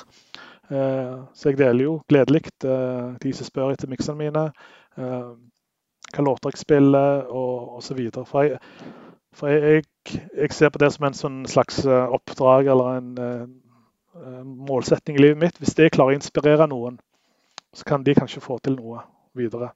Det, det, er noe, ja. Ja, det, er ikke noe, poeng for meg å sitte på kunnskap og mikse og sånt. For at uh, uansett så vil jeg alltid ligge uh, alltid være i gang med neste miks. Så når jeg har gitt fra meg uh, siste miksene mine eller ideene, så er jeg allerede i gang med noe nytt. Så altså, jeg vil alltid på en måte ha mine ting uansett. Så. Og da ligger det mye glede av å være den inspirasjonen for, for andre, da, selvfølgelig. Og der har man jo en god del å lære, tenker jeg, også i form av det at man ikke sitter på sin egen tue. Jeg drev og kikka ned på mobilen min her, for jeg skulle finne et quote av Fatboy Slim, som jeg følte han sa det ganske godt. This is a job for life. DJs are not like footballers or popstars. We don't have a shelf life based on our age. Uh, og Fatboy Slim er jo vel snart 70 år, eller noe sånt, sa han. ja. Nei, det, I dag så er det jo nesten ikke utløpsdato. utløpsdato. Hvis du ser på de største DJ-ene i dag, Fatboy Slim og Tiesto og og mange av disse de er, er jo 40-50 års aldersgruppen. Så ja, og vel så det og noen av det, ikke sant? som fremdeles da er relevante. Men uh, vi begynner etter hvert å skulle rappe opp her uh, nå. Jeg har uh, et par faste spalter. Vi har for så vidt vært innom utrolig mye musikk med deg, men jeg har noe som heter Hall of Fame, og da må vi vri om litt, da, for det er jo naturlig at i din Hall of Fame så er jo selvfølgelig denne Got to Have-låta. Jeg, prøvde å pitche deg konseptet da i en melding, men Eh, det jeg er ute etter, er to eh, rett og slett banger-låter. To låter du digger som du tenker passer i aller fleste settinger. og Da bør det gjerne være noe som kan finnes på Spotify, for jeg har laget en Spotify-liste. Eh, og Tanken med den lista og tanken med dette konseptet er da at man skal se med den lista. Og så her er det jo DJ-er som spiller bare, Jeg prater jo med DJ-er i alle former og fasonger. De som spiller swingmusikk og rock og på lokale og på houseparty. Så det er jo ikke alt som er relevant, men plutselig så finner man en låt der hvor man tenker wow, shit, ja, den her var fet.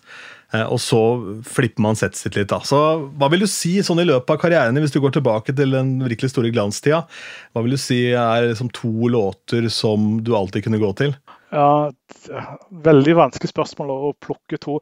Nå skrev jeg jo tidligere til deg eh, de låtene som folk forbinder meg med, eh, som har vært DJs i noen år, er jo da Got to Have. Men den er jo ikke på Spotify. Den ligger på YouTube et sted, så du finner den der. Og så er det jo da Eh, DJ K-Mix og Justin K, Northern Lights, som ble lagd i samme studio eh, av Jøren Kopperen og Kjetil Johansen. Den er vel på Spotify, så den kan jeg dele. Den mm. tror jeg ikke er på Spotify heller. Nei vel, da. Nei, nei, bare vær sånn, du.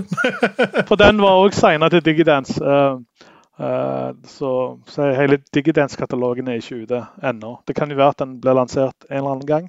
Uh, så de, de, de to låtene som mange forbinder meg og ja, både K-Mix og, og Jøren med. da. Men om de er bangers i den dag i dag Når jeg har spilt på, for eldre publikum, så, så, funker de jo fremdeles for de som vil ha 90-tallspakken. Eh, men for den yngre generasjon så, så, er de nok ikke bangers. Så det å finne bangers som alltid på en måte vil fungere, er ikke så lett. for Det kommer litt an på publikum. Jeg spiller jo både på klubbjobber, på lounge- og bar, barjobber, til eventjobber og kanskje òg til og med bryllup av og til. Eh, og da er det forskjellige typer musikk som på en måte er bangers. Eh, ja, selvfølgelig. Ok, la, la, meg prøve den andre delen av denne Hall of Fame. Da. Det er en, en låt som er uh, ute av boksen. Eh, som er da kanskje en litt odd greie, som man kan dra inn i ny og ne. og det er kanskje ikke den sangen du nødvendigvis bør hive inn i settet ditt veldig ofte, men som du kan bli inspirert av til å finne dine egne litt sånn Odde-favoritter. Er det én sang som du har spilt eh, overraskende mye på jobb, uh, ut ifra hvilken sang det er, eller artist, eller hva det måtte være? Eh, ja, nå, har det ikke vært så mye spilling pga. Nei, Hvis du ser tilbake noen år, da. ja, jeg har jo en uh, stor forskjellighet for uh, Angelo uh, Ferreri, som er en eh, italiensk produsent eh, fra Sicilia. som jeg ble kjent med i, Miami. og hans stil som er sånn Jack in House. Han har en låt som heter In The House, som jeg digger. Og den, har, den føler jeg passer egentlig til alle, for den er såpass happy, energifull og kan gli innimellom de fleste tingene. Så Angelo Ferreri in the house finner du nok på, på, på Spotify. Så den har nok spilt en del. Jeg kommer da til å skrive i beskrivelsen av podkasten hva som er de øvrige låtene, så kan med noen YouTube-linker og sånn også, så hvis du vil høre de. Men spør heller da Vikram om å få Got to have istedenfor å rippe den fra YouTube, da. Vær så snill. Ja, altså. bare, bare, ta kontakt. Og når det kommer til låter som jeg liker eller spiller, så, så finner du jo lister på, eller mikser som jeg legger ut på Mixcloud.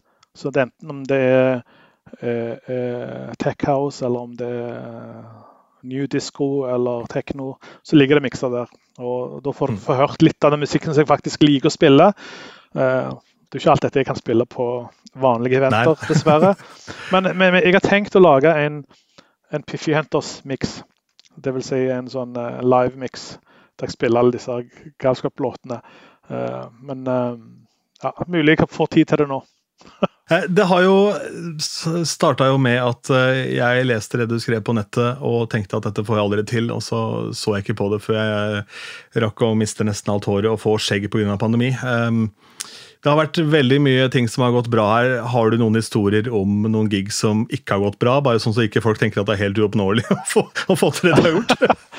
det, du må alltid gå på noen smeller for uh, suksesser som du har. Så det fins ingen, ingen uh, hva skal jeg si, rosenrød historie der alle spillejobbene er bra.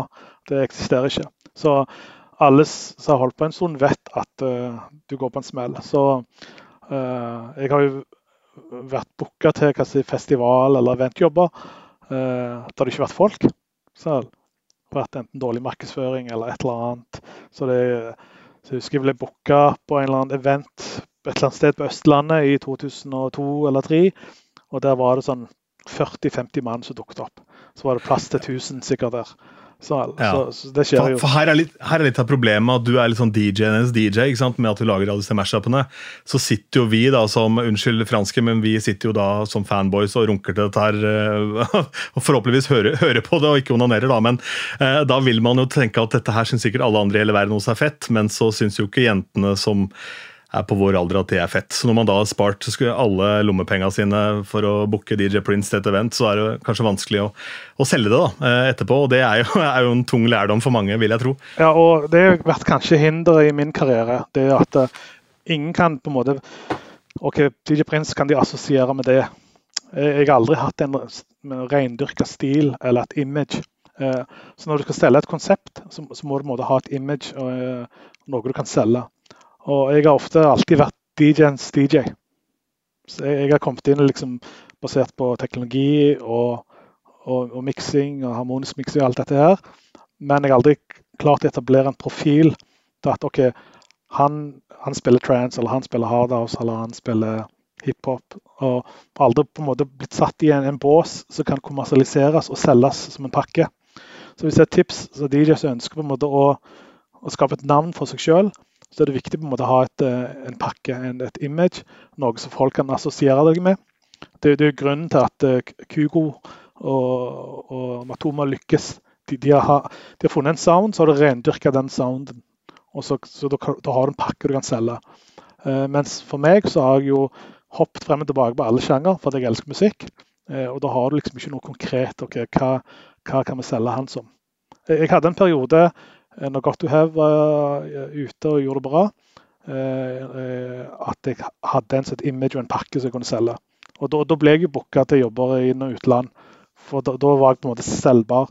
Med en gang du begynner å bli for brei eller open format, så, så har du ikke noe å selge direkte. Så, så her er det litt... Da må du ja, Da må det i så fall være så profilert som type DJ AM var, da, som gjorde eh, sport av det og liksom mash opp alle ting på giggene sine. Ja. Men det hjelper jo selvfølgelig også å være typen til Nicole Ritchie. det er klart. ja, det, Så handler det òg litt om miljøet som du vanker i, og nettverket som du har. For Du klarer jo aldri dette alene. Så Hadde jeg hatt en manager eller noen som på en måte uh, pusha karrieren min og sagt ok, nå må du gjøre det, og så har egne folk som jobber med sosiale medier så kan du få det til. Så prinsippet har du penger i dag, har råd til å betale folk som jobber for deg, så kan du egentlig skape et image og skape en karriere.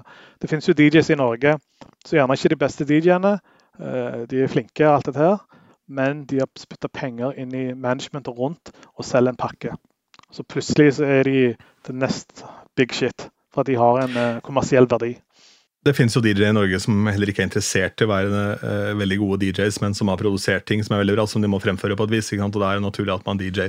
Uh, eh, og da må du i hvert fall vite hvordan knappene fungerer. Så det er, det er ja, en del sånne ting. Det finnes jo ja. DJs som har gitt ut ting som ikke har produsert de sjøl, som brukt Ghost-produsenter. Det, det, er jo en egen podkast, det òg, faktisk. Det jo, men, men, det er jo litt sånn sånn Testo lager jo heller ikke musikken sjøl.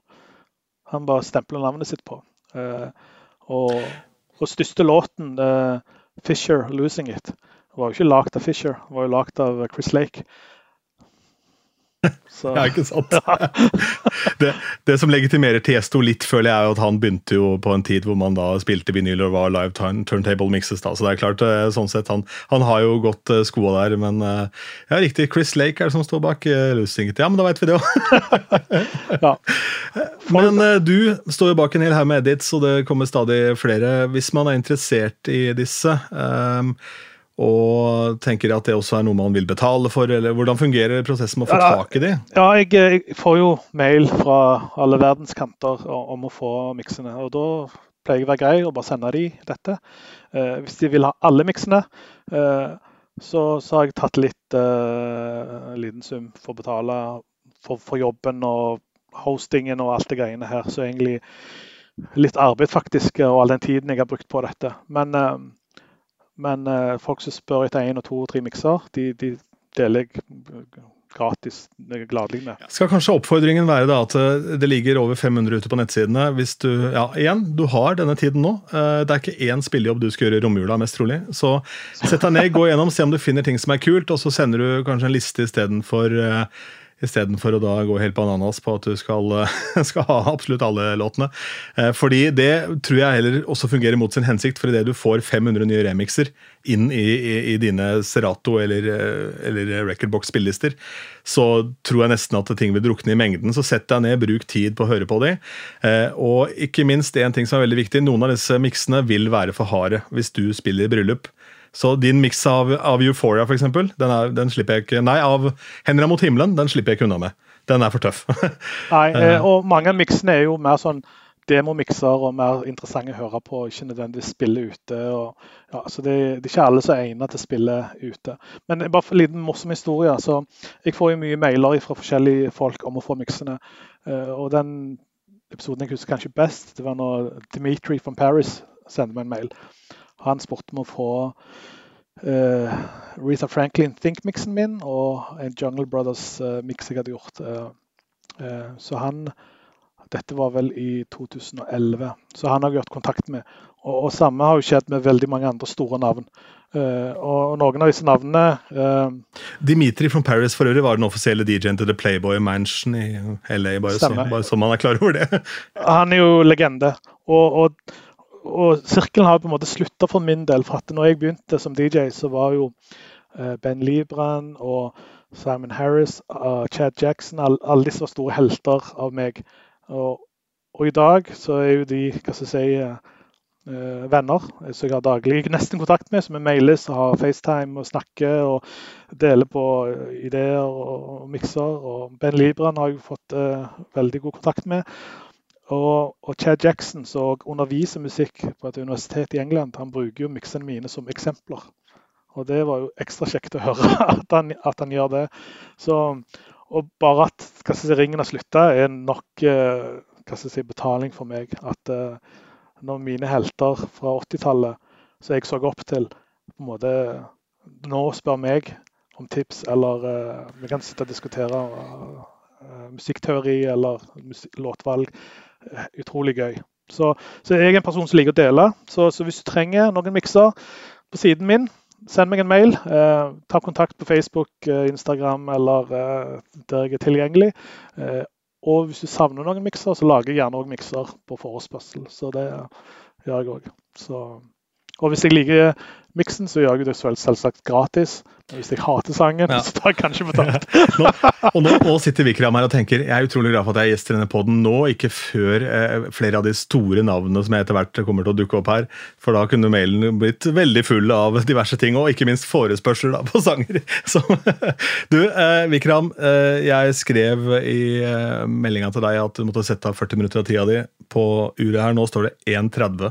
Tusen, tusen takk for tida di. Eh, dette har vært en sann glede, eh, og jeg tror at jeg kommer til å få mange mailer for folk som syns det her har vært jævlig gøy å høre på. Bare hyggelig å være med. Og hvis det kan bidra til noen sin karriere som en inspirasjon eller hjelpe, så er det si, en, eh, noe som har gjort min innsats i, i miljøet verd. Så her er vi for å dele, mener jeg. Og etter å ha snakka i halvannen time, så skulle man kanskje tro at um, vi hadde dekka det meste som DJ Prince har oppnådd i sin DJ-karriere. Men eh, etter samtalen så ble vi sittende da og prate over Zoom, eh, og han viste meg litt ting ved å dele skjerm og sånn, og så plutselig kommer han på at eh, det var noe mer som vi kanskje også burde nevnt. Litt artig kuriosa helt på slutten. Så du kan se på dette som en litt ekstra julegave til deg selv fra, fra meg og DJ Prince, for jeg trykket record på, på Zoom-samtalen vår. Her har du ekstranummer i platekusk. God jul. Vikram, vi, ble sittende her og, og, prate tull og fjas etterpå, og da sier du at uh, du, vi må ta en prat om Inferno. Uh, vær så god. ja, jeg, jeg, jeg, har vært med på så mye rart opp gjennom årene, men uh, vi glemte jo å snakke om Inferno. Det var jo da mitt første møte med platebransjen og egentlig ha en, en DJ-gruppe. Så vi var jo tre DJs. det var meg, og så var det Kjetil Johansen, eller DJ K-Mix. Og så var det Jørgen Kopperen, Justin Kay. Og i 1996 ga vi ut en låt som heter You Ain't The First på Scandinavian Records. så den var jo da på førsteplass på Norwegian Dance Chart. så var det litt sånn en sånn house, litt undergrunnstype låt. Ikke så veldig kommersiell appeal, men den uh, funka bra. Og etter den så ga vi ut uh, uh, et par singler. og Move var jo liksom og den var jo da òg førsteplass og hadde en skikkelig kommersiell suksess i Norge. Gikk ut på CD-singel. Vi reiste faktisk på turné i Norge. Vi spilte på Spellemannsprisen. Eh, spilte på, eh, på Oslo Spektrum og, og, var liksom DJ-popstjerner uh, på 90-tallet. Og, og, det er jo en historie som er litt sånn glemt nå. så Vi var jo på en måte først ute. Det var en sånn slags variant av um, Swedish House Mafia uten internasjonal suksess.